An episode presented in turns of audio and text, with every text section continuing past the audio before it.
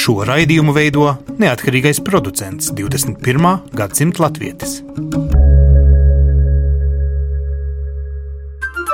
Lai kur mēs būtu, Lai kur mēs būtu, Lai kur mēs būtu, Lai kur mēs būtu, Tie esam mēs. tie esam mēs. mēs. Tie esam mēs. Mēs.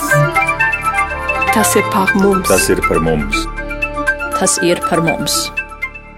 Radījumā 21. gadsimta latvieši šodien runāsim par it kā skaudru atziņu, kas sākumā varbūt eh, liecina tikai par to, ka arī mēs augam līdz laikam un mēdzam no emocijām pāriet pie darbiem. Proti, skaļi runājot, eh, valdība nolēmusi vairs neturpināt reemigrācijas plānu. Tas nenozīmē, ka tautieši netiek saukt atpakaļ uz Latviju, ja vien ir tāda iespēja, ekonomisks iegansts vai sadzīves situācijas, bet tas nozīmē, ka valdībā turpmāk eh, ik pa diviem gadiem netiks izvērtēts progress, cik tad izdevās tā teikt atsaukt cilvēkus atpakaļ. Iepriekš par šo plānu četrus gadus kopš tā radīšanas bija atbildīga tieši ekonomikas ministrija, tāpēc esmu ekonomikas ministrijā, lai saprastu, kāpēc valdība pieņēma tādu lēmumu. Tautsēmniecības struktūra politikas departamenta vadītājs Jānis Salmiņš bija tas, kas izvērtēja un uzrakstīja tādu kā pārskatu par sasniegto. Nu, sasniegumu taču ir.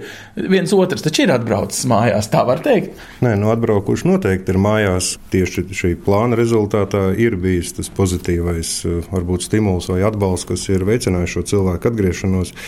Runājot par šo plāna nākotni, kāpēc īsti nav turpināts plāns, es domāju, ka vismaz no mūsu pozīcijām rakstot šo dokumentu, tā pamatdoma jau bija tāda, ka īsti pats plāns kā papīrs jau neko nerisina, un pats galvenais jau ir visi šie atbalsta pasākumi kas šajos četros gados, kopš šis plāns darbojās, katra institūcija jau ir pārņēmusi to lauciņu, kas ir tieši viņas kompetencē. Un... Tātad mēs varam teikt, agrāk, kā piemērs, Nodarbinātības valsts aģentūra īsti nezināja, kā strādāt ar šo mērķu grupu, kur nemaz nedzīvo Latvijā. Tagad viņi pat sāk braukāt regulāri ik pa pusgadam un, uh, varētu teikt, aicināt cilvēkus izskatīt šos darba piedāvājumus uh, dzimtenē arī Īrijā un Anglijā esot? Nu, tātad tas ir vesels process, kas agrāk domāšanā pat neiešāvās prātā. Nu, pilnīgi pareizi. Un, nu, šo pat var salīdzināt plašāk, ne tikai uz reimigrāciju, bet uz ļoti daudzām politikām. Tas ir tas, ko arī gribās iedzīvināt. Tas ir tāda starp ministriju horizontāla sadarbība. Un, un reimigrācija ir tieši tā tēma, kur viena ministrija, nu, tas nav īsti viņas lauciņš, bet tas ir daudzu ministriju kopdarbs.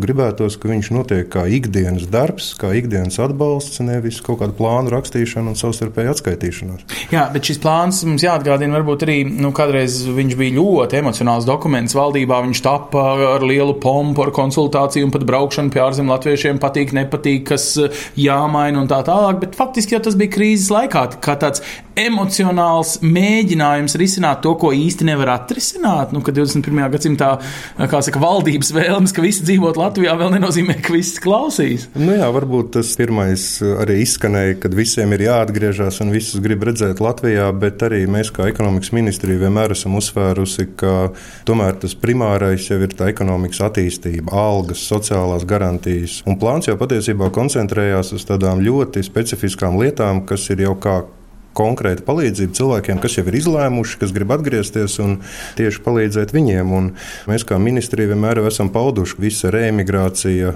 aizbraukšo skaita samazināšana un cilvēku veicināšana atgriezties, tas ir vistiešākā veidā saistīts jau ar tautsveiniecības attīstību, Jā, jau daudz plašākā kontekstā. Viena otra valsts, kur latvieši agrāk meklēja darbu, patiesībā tagad ir ar lielāku bezdarba rādītāju nekā Latvijā. Mums ir zemākais bezdarba rādītājs te vai šajā milēnijā gadījumā, vai mēs varētu teikt, ka pieprasījums pēc aizvien jauniem un labi izglītotiem speciālistiem varētu būt nopietnāks nekā jebkurš valdības plānošanas dokuments? Nu, es domāju, drīzāk nevis bezdarba līmeņi, bet tā tomēr būs vidēja alga. Latvijā mums pašlaik tie ir 800 eiro, tad nu, mēs salīdzinām tās pašas rietumvalstis, dažā minimālā ir 1500. Un šī ir tā milzīgā plaisa, kas varbūt arī cilvēkus pie lielāka bezdarba jaunajās mītnes valstīs tomēr attur no atgriešanās Latvijā. Protams, citi faktori, kā nu, kaut vai tās pašas sociālās garantijas, ko mēs arī diemžēl nevaram nodrošināt tādas, kā ir rietumvalstīs. Un, Bet, sauksim tā, mēs no tādas emocionālas runāšanas par to, ka kaut kas ir jādara, esam sapratuši, ko katrs šī institūcija var darīt, to tas plāns ir veicis labu. Vai vēl monitoringā, kā to laikam galvenā valodā raksta, jūs pamanījāt kādas citas tendences, kuras ir vērts atzīt kā tādu laikmeta mācību pašiem par sevi, ka šur tur esam bijuši emocionāli un karstasinīgi kaut ko pieprasot paši, nemaz nezinot, ko īsti prasam? Nē, nu, ja mēs tagad atgriežamies šos četrus gadus Jā. atpakaļ, arī tas konteksts, ka tikko bija bijusi tautas skaitīšana, Jā. kas atklāja šo lielo ciparu, kas ir emigrējis tiesas. Un, un varbūt arī nu, ne gluži nosodījums bija, bet nu, katrā ziņā tāda nepatīkams bija šis skaitlis un tā apziņa, ka ir tik daudz cilvēku aizbraukuši. Varbūt arī tās pirmās rīcības bija varbūt ne tik daudz sistēmiskas, cik tiešām, kā jūs sakat, emocionāls. Un tas, kas šo četru gadu laikā ir, ir noticis pozitīvais, tas ir varbūt ne tikai bez tādiem darbu sarakstiem, bet arī reemigrācija kā pētījuma objekts arī pētnieku vidū ir kļuvis ļoti aktuāls un ir veikti ļoti daudz dažādu pētījumu, kas ļauj tiešām daudz labāk saprast šo reimigrantu diasporas eh, vajadzības un, un intereses, uz ko tieši valstī ir jāfokusējas. Vai viens no lūzumiem varētu būt tāds, ka visam ir jāatgriežas normālībās, ka tas nav nekas pārmērīgs, ka 21. gadsimtā cilvēki mēdz arī darba iemeslu vai izglītības iemeslu dēļ aizceļot, viņi tāpēc nav pazudušie dēli. Mēs dzīvojam globālā pasaulē, un arī tajā pašā Eiropas Savienībā tās robežas jau ir ja tā var izteikties tēlēni, tik caurspīdīgs, nu ne, kad jau neviens jau nesēž uz robežas un neskaita cilvēkus, kurš aizbrauc, kurš iebrauc. Šī darba spēka brīva kustība, mācīšanās, viss tas kā tāda pamatbrīvība arī ir Eiropas pamatvērtība. Un, un patiesībā jau tas ir arī ilgtermiņā, ja skatās, tam var būt arī ļoti pozitīvs dāvans uz Latvijas ekonomiku. Un, Un tāpēc varbūt arī tie akcenti tagad vairāk mainās. Ne tik daudz šos cilvēkus tieši vest uz Latviju, bet arī uzturēt tieši ar viņiem šīs saites. Un, jo ļoti daudz arī cilvēku, kas nodarbojas ar uzņēmējdarbību, ir zinātnieki ārzemēs. Un, piemēram, Latvijas Investīcija attīstība aģentūra arī tagad tieši strādā pie, pie šāda ekonomisko saišu veidošanas un stiprināšanas, kas varētu būt ļoti pozitīvs dēvums arī mūsu ekonomikai. Ja? Kad tas cilvēks nav šeit, tas ir daudz svarīgāk, ka viņam saiknes saglabājas ar Latviju. To sauc par globālās latviedzības eh, nu, konceptu, vai varbūt mēs varētu arī teikt, ka valdība ir konceptuāli sākusi sirsnīgāk un godīgāk arī runāt, ka neusturēsim, varētu teikt, izkārtni ar nosaukumu reemigrācijas plāns bet nu, vienkārši skatīsimies pēc būtības, Jā. kas ir darāmie darbi. Proti, nu, tā sliktā ziņa, ka reemigrācijas plāns vairs netiek turpināts, neobligāti ir slikta ziņa pati par sevi. Nē, nu, precīzi, jo nu, tas arī, ko es mēģinu teikt, ka tas ir plānošanas dokuments, un ar to jau netiek stiprināta sadarbība ne, nekādā veidā veicināts. Un tas kā prioritāte, kā svarīga joma nu, valdības dienas kārtībā, tas pilnīgi noteikti paliek, jo visa demogrāfija arī ir definēta kā viena no valdības prioritātēm, kur arī tieši ir visa reimigrācijas un diasporas jautājumi iekšā. Labi, tik tālu Jānis Salmiņš no Tautsēmniecības struktūra politikas departamenta direktors ekonomikas ministrijā. Mēs pēc mirkļa turpināsim ar atziņām, kā tad turpmāk, kurš tad būs tas lielais, vienīgais vai galvenais, kurš uzņemsies šo saikni. Kopā skaitot miljonu eiro lielas dažādas izpausmes, ko Latvijas valsts no sava budžeta atvēl tieši saiknei ar diasporu, izglītībā, kultūrā un daudzās citās lietās. Tie esam mēs. Mēs. mēs. Kā tikt galā ar diasporu? Kurš par ko atbildēs, kurš uzņemsies galveno politisko, kurš saimniecisko atbildību? Tas viss jāsaliek eh, pa plauktiņiem. Nesen sapcīcājumā bija arī debata. Visi trīs eh, šeit studijā tagad esošie mani viesi eh, bija šajā diskusijā, kā būtu labāk sarunāties ar, nu, principā katru septīto no Latvijas eh, valstī piedarīgajiem, kuri nedzīvo Latvijas valstī. Sāksim ar, gribētu teikt, lielāko amatpersonu Atis Janīts ir eh, speciāla uzdevuma vēstnieks diasporas jautājumos Latvijas Republikas ārlietu ministrijā. Tas ir ļoti svarīgi, tāpēc, ka politiski jūs koordinēsiet. Tepat blakus jums ir Kristaps Grasis, Eiropas Latviešu apvienības eh, prezidija priekšsēdis, un Gunta, Gunta Robežnieca kultūras ministrijā būs tā, kurai būs jāsaliek pa plauktiņiem. No debates saimā es sapratu, ka diaspora iepriekš bija ļoti emocionāls jautājums. Bija pat vienbrīd doma, ka ir vajadzīgs diasporas lietu ministrs, kas uzņemsies te vai politisku atbildību par katru latviešu, kas jāizved aiz rokas atpakaļ Latvijā. Šobrīd mēs varētu teikt, ka emocijas ir jau pārsāpētas. Tas ir emocionāls jautājums noteikti arī kaut vai skatoties uz tiem, kas atgriežas Latvijā tie lielākoties atgriežas emocionāli iemeslu vadīti, nevis ekonomiski apsvērumi. Vismaz tā liecina pētījumi. Tā sistēma, kāda Man negribētos teikt, ka turpināsies tas, kas jau ir iesākts, bet pēc sarunas saimā, kurā piedalījās premjerministrs, ārlietu ministrija ir tā, kas uzņemsies vairāk vadošo lomu un atbildību. Nu, starp ārlietu ministrijai Janīša kungs viena no trim svarīgākajām lietām. Es saprotu, kas vispār tuvākos gados ir darām, ir drošība, protams, un uh, saikne ar diasporu. Un galvenie tur katrā valstī būs uh, Latvijas vēstnieki tad jūs esat vai neesat eh, vārdā nenosaukts ministrs speciālo uzdevumu diasporas? Es noteikti neesmu, jo ministrs ir politiska persona. Es esmu visu mūžu bijis vēstnieks, ierēdnis, strādājis kā karjeras diplomāts. Jums taisnība, ārlietu ministrija tiešām pārņem šo koordinējošo lomu diasporas jautājumos. Tas ir diezgan loģisks solis no premjera puses un no valdības puses.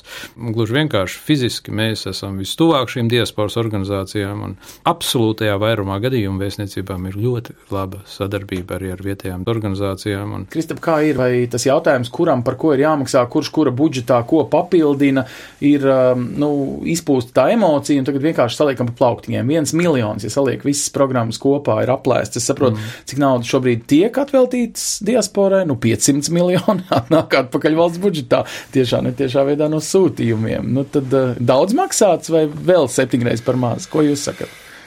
Nu, mēs esam, kā jau tu te pats teici, procesā. Atbalstam to domu, ka galvenokārt, kad būtu no vienas puses liela sakārtotība attiecībā uz uh, valsts sadarbību ar diasporu, mums būtu svarīgi faktiski tas, ka diasporas atbalsts tiktu uztverts vai uzskatīts, ka valsts saprot un sev arī nodefinē to, kādēļ viņiem ir gan vajadzīgi, gan jēdzīgi atbalstīt diasporu, ka tas ir valsts interesēs to darīt. Bet uh, nu, jūs gribētu visās kultūrālās, ekonomiskās, emocionālās, visās interesēs, un tajā brīdī ierēģiņi sāk lietot vārdu horizontālā atbildība vai kopējā sadarbība. Tad izskaidrojiet, kāpēc tad to nevar kā līdz šim bišķiņ, tik cik kultūra atbildēja kultūras ministrija, bišķiņ, tik cik izglītība, izglītības ministrija, tad tā nauda kaut kā izklokerējās pa mazām daļiņām, vai kur tas nepareizais kā līdz tieši šim? Tieši tā, tieši tā, un, protams, ka mums šī nauda ir jākoncentrē tur, kur tā nauda nauda ir prioritāra. Un tad, ja es teikšu tā, ka ārlietu ministrija iestājās šī gadījumā, jūs vienmēr esat pieraduši kā žurnālisti, ka katrs resurs iestājās par savām nu, interesēm. Nu, protams, Mums jā. vajag vairāk naudas. Šī gadījumā ir tā situācija, ka saka, mēs, un to arī teica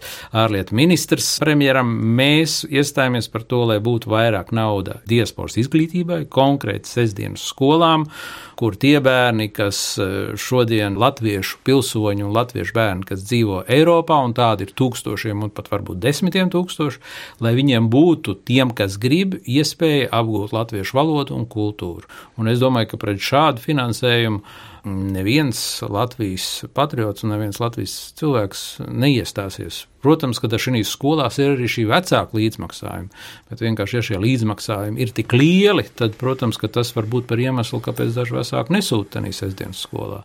Un tāpēc arī ir nepieciešams šos līdzekļus koncentrēt tenīs prioritārajās sfērās, un ja katra ministrija, katra nozara prasa tev savu mazumiņu krikumiņu, tad tā nauda izšķīst pa dažādām institūcijām. Emocionāli citreiz tika teikts, nu jā, paskatieties, cik eh, proporcionāli tam skaitam skolu, ko atver viskaut kur īrijā, Anglijā, Vācijā, samazinās daudz mazāk skolu skaits, bet tomēr samazinās Latvijas laukos. Šeit ir emocijas vai kaut kādi aprēķini, kāpēc mums tas būtu jādara cilvēkiem, kuri pelna citā valstī nodokļus, un tad cita valsts, lai maksā šo izglītību. Mēs visi trīs nākam no diskusijas par tālāko diasporas politiku. Un šeit tā saikne un paskaidrojums ir ļoti skaidrs, ka atgriezties Latvijā un maksāt nodokļus Latvijā pirmām kārtām un galvenokārt būs tie, kuri būs apguvuši latviešu valodu. Un bez tās faktiski Latvijā nekas nenotiek. Un to mēs redzam arī no pieredzes un no vecās trījums, ka galvenokārt atgriezušies Latvijā ir tie, kuriem bija latviešu valoda, kur saglabājot otrajā un trešajā paudzē, kuriem ir saikne ar Latviju. Un šeit jau neiet runa par miljoniem, kā jūs teicāt, kopējais cipars ir tikai viens miljons.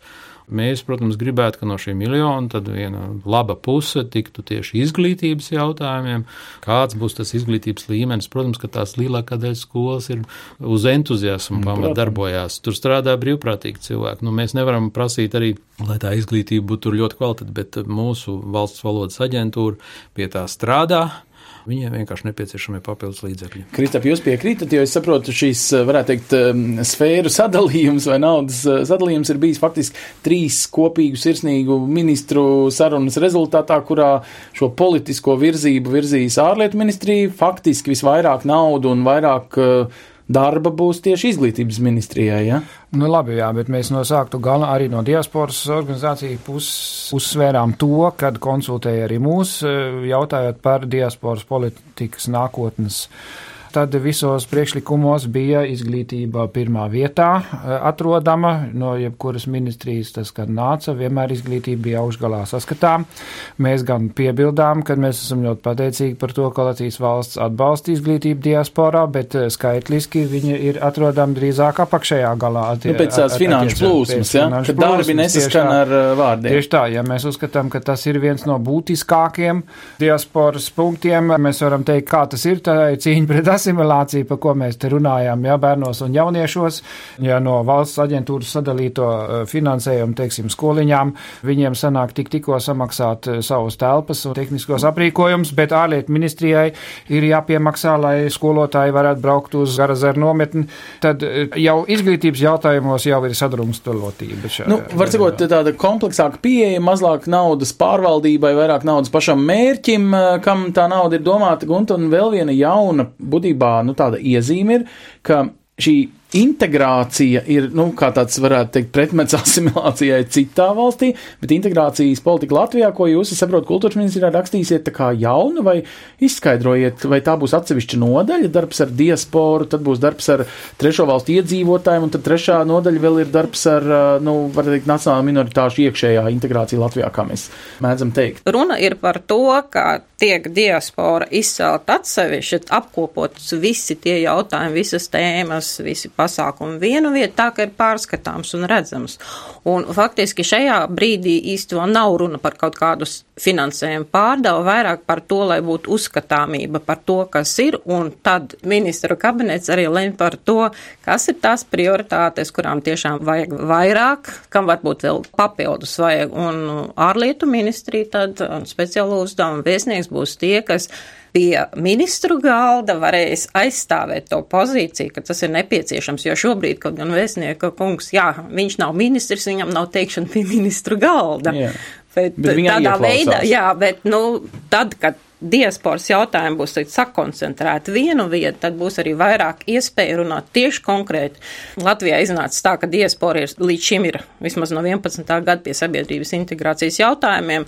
Būs mazākumtautības, būs trešo valstu pilsoņu integrācijas jautājumi. Katram būs savs plauktiņš, un diasporai būs lielāks, sakārtots. Un, un Bet tas ir tā no tādas struktūras izcelt. viedokļa, lai, teiksim, tā ierēģi zina, kas ir kurā plauktiņā, un lai organizācijas, kā trimdas vai diasporas organizācijas zina, kā, kam prasīt finansējumu. Piemēram, mm. ko tas dod eh, vidējam diasporas eh, cilvēkam? Viņam būs lielāka skaidrība, kurš par ko atbild, kurā, es nezinu, pasmelties naudu, vai tas nozīmē, ka, piemēram, mēs esam pārdzīvojuši arī to laiku, kad bija tādi teksti vēl pirms pāris gadiem, ka mēs taču nevaram ne santīm ārā no Latvijas izmaksāt, jo valsts kontrola valsts naudai nevarēs ārā no Latvijas nu, izsekot, ka vienīgie trimdas organizācijām ir jābūt faktiski Latvijā reģistrētām. Un, un tikai tādā veidā, vai šo mēs arī esam pārdzīvojuši kā tādu. Sen vairs nav tā. Ārlietu ministrija sniedz atbalstu diasporas organizācijām, kultūras ministrijas. Sabiedrības integrācijas sabiedrības fonds. integrācijas fonds. Jā. Protams, kad valdības uzskats arī, ka nu, četras institūcijas tas ir pa daudz, tas rada arī sajukumu. Šis eh, finansējums nedrīkstētu mm, dublēties, ja tā iet ir kultūras jautājumi, tad eh, organizācijām būtu jāatgriežas eh, kultūras ministrijā, izglītības jautājumi izglītības ministrijā un diasporas organizāciju pasākumu un kapacitātes stiprināšanu.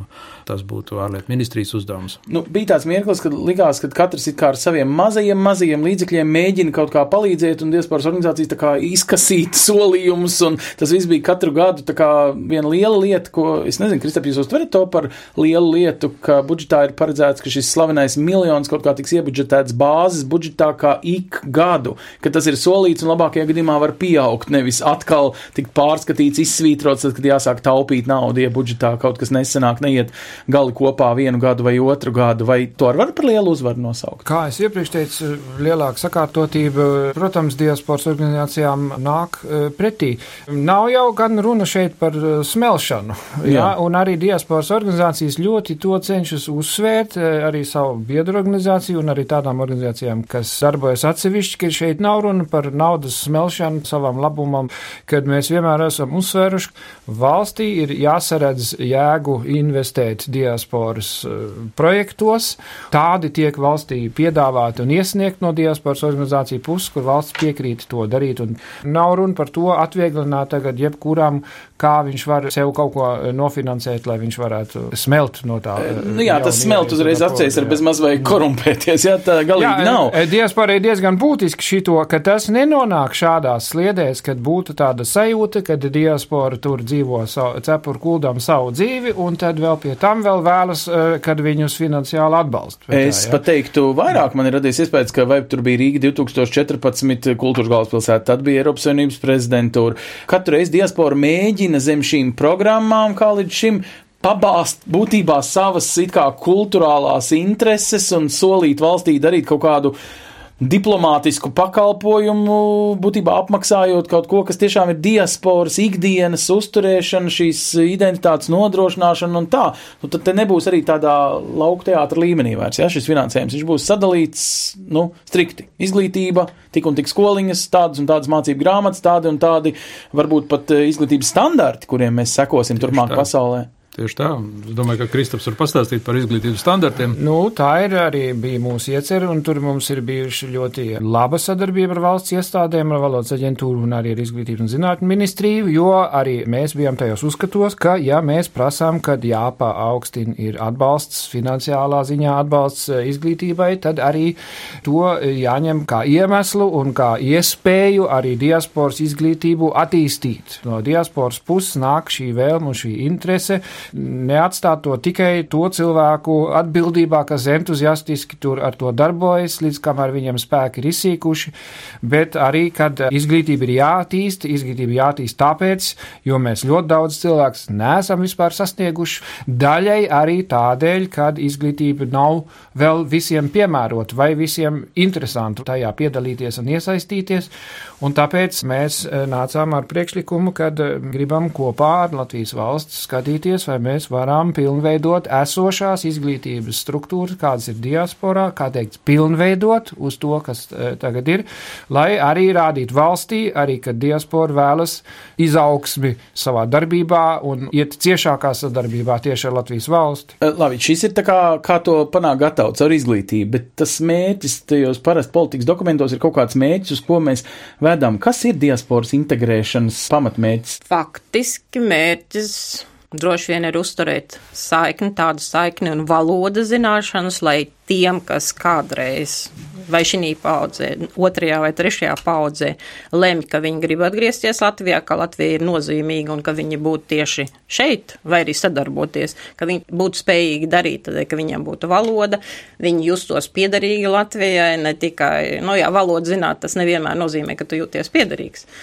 Mums ir tāds eh, slavens eh, citāts no premjera, kurš patiesībā bija diezgan skeptisks. Eh, un tagad ieklausīsimies, ko viņš teica saimnes sēdē, kā viņš redz, kā varētu un kad varētu notikt tāda viļņveidīga reemigrācija, ja tas būtu tas mērķis. Mums tā kā beidzies reemigrācijas plāns. Es esmu praktisks cilvēks, saprotu, ka vecais plāns bija absolūti tukšs, tikai bija skaņa un labuma no tā nekāda liela nebija. Tāpēc es pagaidām nebiju gatavs vēl taisīt jaunu. Vajadzētu izšķirties.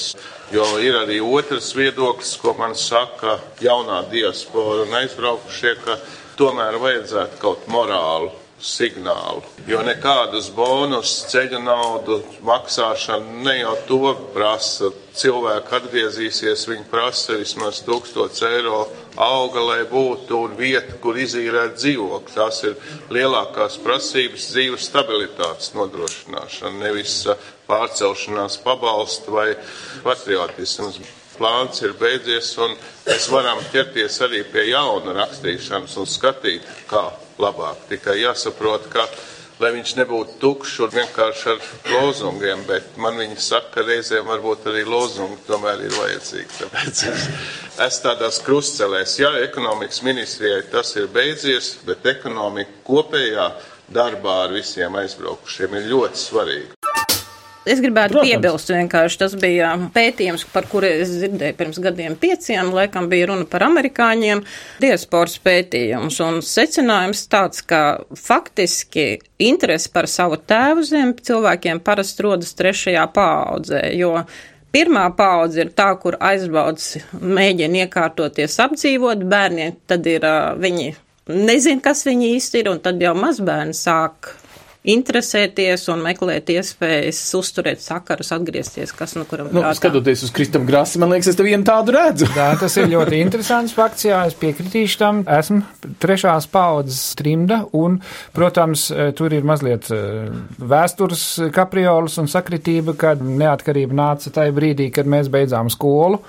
Ministrs Latviešu ģimnāzijā, bet jāsaka, ka skatoties, kad eh, tie, kas ir repatriējušies, ir eh, daļai mana vecāka paudze, kuriem varbūt pensijas gadi sakrita mm. kaut kādā veidā, ka viņiem tas varēja izdoties, bet lielais daudzums ir tomēr mana paudze, un vēl to starpā milzīgs skaits ir minsterieši. Nu, Vārds sakot, cilvēki, kas ir gājuši ministrs Latviešu Nu, kurus ģimnāzijā. vecāki Tas apzināti ir- virzīja. Tas ir jā, un arī ņemot vērā, piemēram, ASV cilvēks, kas ir pārcēlušies uz Latviju, arī to starpā ļoti daudz minstriešu, tieši, kas ir bijuši pirms tam Eiropā dzīvojuši, gadu divus pavadījuši. Skats uz pasauli jau būtiski ir mainījies, un no tiem tas bija uzkrītoši, cik daudz no šiem cilvēkiem tieši atrada 90. gados eh, savu, savu ceļu. Mana klase arī, es nezinu, mēs bijām kādi 11 vai 12, 8 vai 9 dzīvo šeit. Tas ir eh, redzams Tas, tas ir uzskatāms piemērs tam, ko es jau teicu, ka šī izglītība ir prioritāra. Jo, ja nebūs šīs izglītības, tad, protams, tas cilvēks skaits tomēr, kuri bez valodas un bez šīs aices uz Latviju, teiksim, pēkšņi vienā dienā izdomā, ka viņš gribētu atgriezties, tomēr ir maz. Pamatā visi tie cilvēki, arī, kas ir no vecās trimdas atgriežušies, viņi ir izgājuši visas trimdas izglītības līmeņus. Un pat Amerikas Latviešu apvienības nesenajā kongresā, kad tu tiecies ar tiem aktīvistiem un cilvēkiem, tad tu redz, ka tie visi cilvēki ir izgājuši Garazēru vasaras vidusskolai, uzturēt šo izglītību, šīs vasaras vidusskolas un šīs tagad pasaulē simts, vairāk kā simts latviešu sestdienas skolas tiešām ir prioritāri.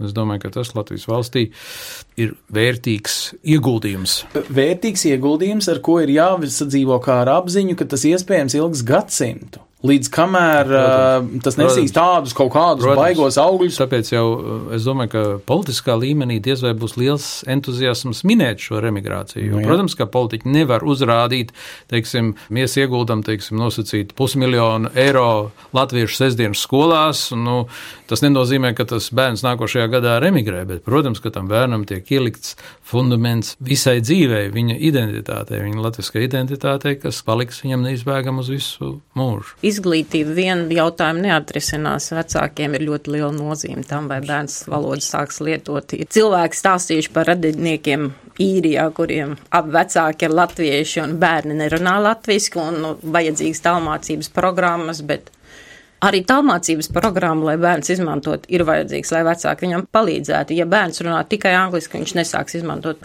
Un, teiksim, 3x3 nometnes ir labs veids, kādā veidā visiem kopā sadarboties un mēģināt uz viena viļņa uzkaut.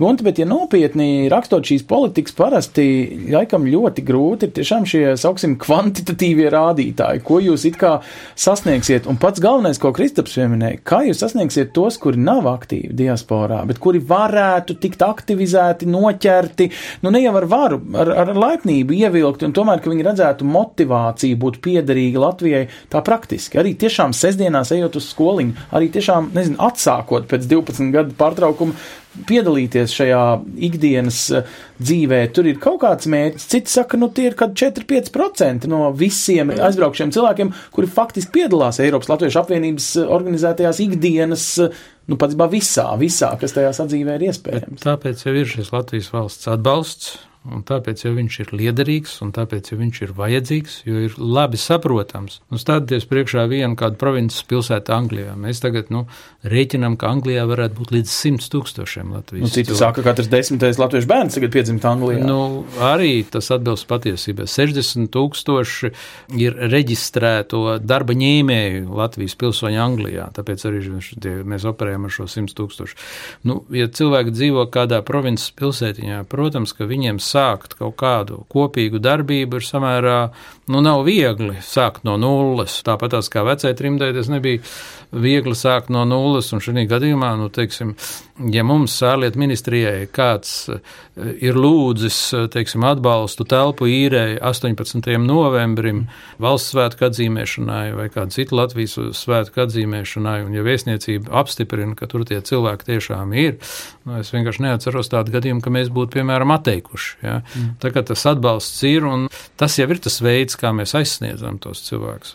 Bet un, vispār, nu, tas priekš mazas salīdzinošas valsts ir laikam ļoti tāds luksus atļaušanās, bet laikam ļoti nepieciešama savas neatkarības ilgtspējīgai, eh, nu, tādai dzīvei vēl, lai Latvija var sagaidīt nu, 200 gadus. Kopīgais finansējums, viens miljons eiro, nu, cilvēku privātajā budžetā varbūt skan daudz, bet kopīgā Latvijas budžetā, kurš kopā ir 8 miljārdi, es nedomāju, ka būs daudz cilvēku Latvijā, kas iebildīs pret to, ka mēs latviešu sestdienas skoliņām atvēlam kaut kādas naudas īrēm, piemēram. Vai ja? 50 centi uz vienu Latvijas iedzīvotāju. Ah, paldies par ļoti labs jā. rēķins. Jā. Jā, nu, rēķiniet, ka šogad arī Eiropā man Kristaps neļaus samaloti kaut kādi 37 tūkstoši, teiksim, uz 70 latviešu sestdienas skolām, skolām, skolām sestdienas, jā.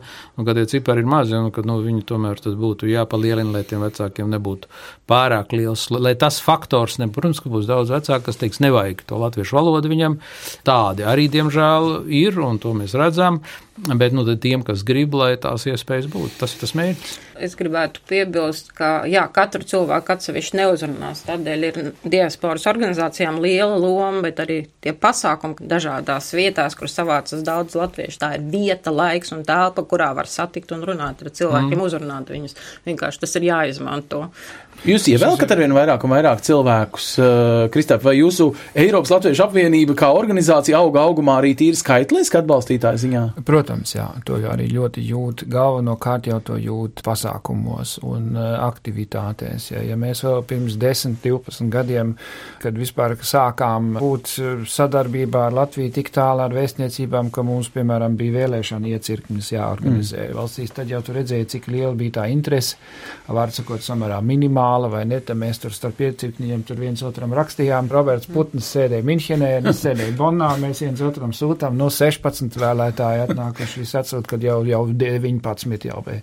Gadu gaitā mēs redzējām, ka tas ar katru reizi e, trīskāršojās e, tie cipari, jā, ja sākotnējs uz pasākumiem bija grūti tur kādu izvilināt, pat, ja atbrauca lielas Latvijas mākslinieki atbrauca, bet pustukšas zāles sarīkojumos, tad tas tā vairs nav. Cilvēki nāk, cilvēki kustas, un tā ir, es, es to atkārtot teicu, tā ir neapšaubām arī emigrācijas, eh, diasporas eh, evolūcijas procesi, kādi tur ir, kādi viņi ir bijuši visās trimdās, no saviem pirmsākumiem līdz, eh, kad tur attīstās sabiedriskā darbība kā tāda. Bet ir arī skaidrs jāapzinās to, kas tas ir par vienreizēju izaicinājumu gan diasporai, gan Latvijas valstī, jo šāda situācija nav bijusi nekad, nav bijuši tik daudz cilvēku ārpus Latvijas, pēc kara izbrauc 150 tūkstoši toreiz, ja, izveidojās trimdas sabiedriskā darbība, bet nekad nebija valsts pieejama. Tātad valstī ir šis milzīgais cilvēku skaits kā savs izaicinājums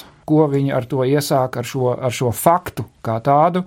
Un diasporai ir šis izaicinājums, kad viņa darbība nav tur iekonservēt savu identitāti un savu valodu maksimāli, cik nu tur to spēja cīnoties pret asimilāciju, bet primāri ir tā iespēja uzturēt saikni ar Latviju, ar to izdarīt, padarīt par kaut ko ikdienišķu, vai viņš te dzīvo šeit, vai viņš ir saskarē Latvijā vai nē, tās iespējas ir dotas, tas lauks ir plašs, kurā mēs varam darboties, un, kā teikts, tas ir izaicinājums abām pusēm, kāds nekad nav bijis. Manā uh, uztverē šis ir arī vēsturisks brīdis.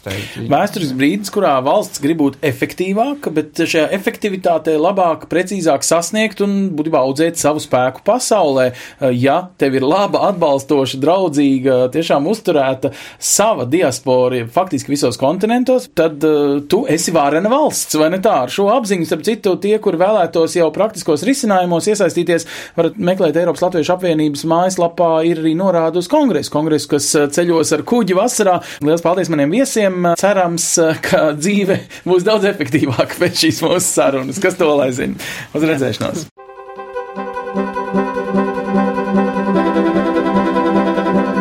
Sadarbībā ar, ar Latviešu.com piedāvājam globālais latviešu notikuma apskats, kur ir tur rodas. kur ir tur rodas.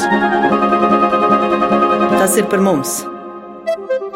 Šodien, 28. maijā, īpaši nozīmīgs sportisks sarīkojums notiek Beļģijā. Tur, Briselē, Jūbelparka kopā pulcējas aktīvie tautieši, lai piedalītos pusmaratona skrējienā. Klātesošie varēja atbalstīt savējos ar aplausiem un uzmundrinošiem vārdiem, savukārt zvannieku komandu varēja atbalstīt arī bez tiešas dalības pusmaratonā, piemēram, sponsorējot kādu no komandas dalībniekiem.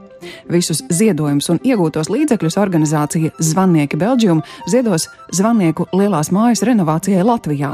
Zvanieki Belģium kopiena šādi vēlas nodrošināt iespēju bērniem uzaugt līdzcilvēku gādības un mīlestības ieskautiem un atbalstīt zvaniekus, kas sniedz mājas un atbalstu tiem bērniem, kas palikuši bez vecākiem vai arī kurus skārušas citas ģimenes problēmas. Savukārt, aizvadītajā nedēļā tautiešiem pasaulē ir bijusi iespēja apmeklēt dažādus mākslas un kultūras notikumus. Trešdien, 24. maijā, Beļģijā notika literārais vakars, kurā piedalījās Eiropas Savienības literatūras balvas ieguvēji. Un laureātu vidū bija arī latviešu rakstnieks un žurnālists Osvalds Zebris ar grāmatu Gaļu kalna ēnā. Sestdien, 27. maijā, Latviešu centrā Bērzaina Freiburgā norisinājās Rīgas Juglas vidusskolas 4. līdz 7. klašu apvienotā kora un dejotāju koncerts Ceļojums grāmatplauktā. Koncerta programmā tika iekļautas Līgas celmas dziesmas, dzelzgalvju zeme, baltais zirgs, melnā runča pamošanās, policijas suņi un tulasi. Savukārt Ņujorkas Latviešu evaņģēliskās luteriskās draudzes nometnē Katskiļos notika Ņujorkas Latviešu kora pavasara koncerts Ziedi, Ziedi. Tāpat arī koncertā piedalījās Rīgas jauktais koris Grindeks, Ottavas koris Atbalsts un Bostonas Latviešu koris. Dažādas aktivitātes tautiešiem pasaulē gaidāmas arī nākamajā nedēļā. 29. maijā Beļģijā uzstāsies lielākais Latvijas bērnu deju ansamblis Zelta Sietiņš. Savukārt 31. maijā Beļģijā, Latvijas pastāvīgajā pārstāvniecībā Eiropas Savienībā, būs iespēja satikt latviešu rakstnieci no Rīgstenu. Viņa lasīs fragmentus no sava jaunākā romāna Mātes piens. Tas ir rakstnieces devītais romāns, kas vēsta par triju pauģu sieviešu likteņiem laika posmā no Otrā pasaules kara beigām, un tas ietilpst Latvijas vēstures romānu sērijā Mēs Latvija 20. gadsimts. Savukārt Austrijā no 3. līdz 5. jūnijam notiks Latviešu bērnu skoliņas nometne. Tāpat tautieši un visi citi interesanti ir aicināti pieteikties palīdzēt veidot Latvijas simtgades ceļu karti Eiropas Latviešu kongresā, kas notiks no 28. līdz 30. jūlijam. Kongresu rīko Eiropas Latviešu apvienība sadarbībā ar partneriem Latvijā, un kongresa mērķis ir Latvijas valsts simtgades ieskaņā apliecināt un stiprināt mūsu kopības sajūtu, pilsonisko apziņu un atgriezenisko saikni ar Latviju. Plašāku informāciju par daudziem citiem gaidāmajiem notikumiem, kas saistoši visā pasaulē dzīvojošajiem latviešiem, meklējiet portālā latvieši.com notikumu sadaļā, 21. gadsimta latviešu Facebook lapā, kā arī daudzās, jo daudzās latviešu kopienu mājaslapās pasaulē. Raidījumu veido Ancis Bogustovs, Paula Gulbinska, Arta Skuja un mūsu ārzemju korespondenti. Raidījuma producents Lukas Rozītis.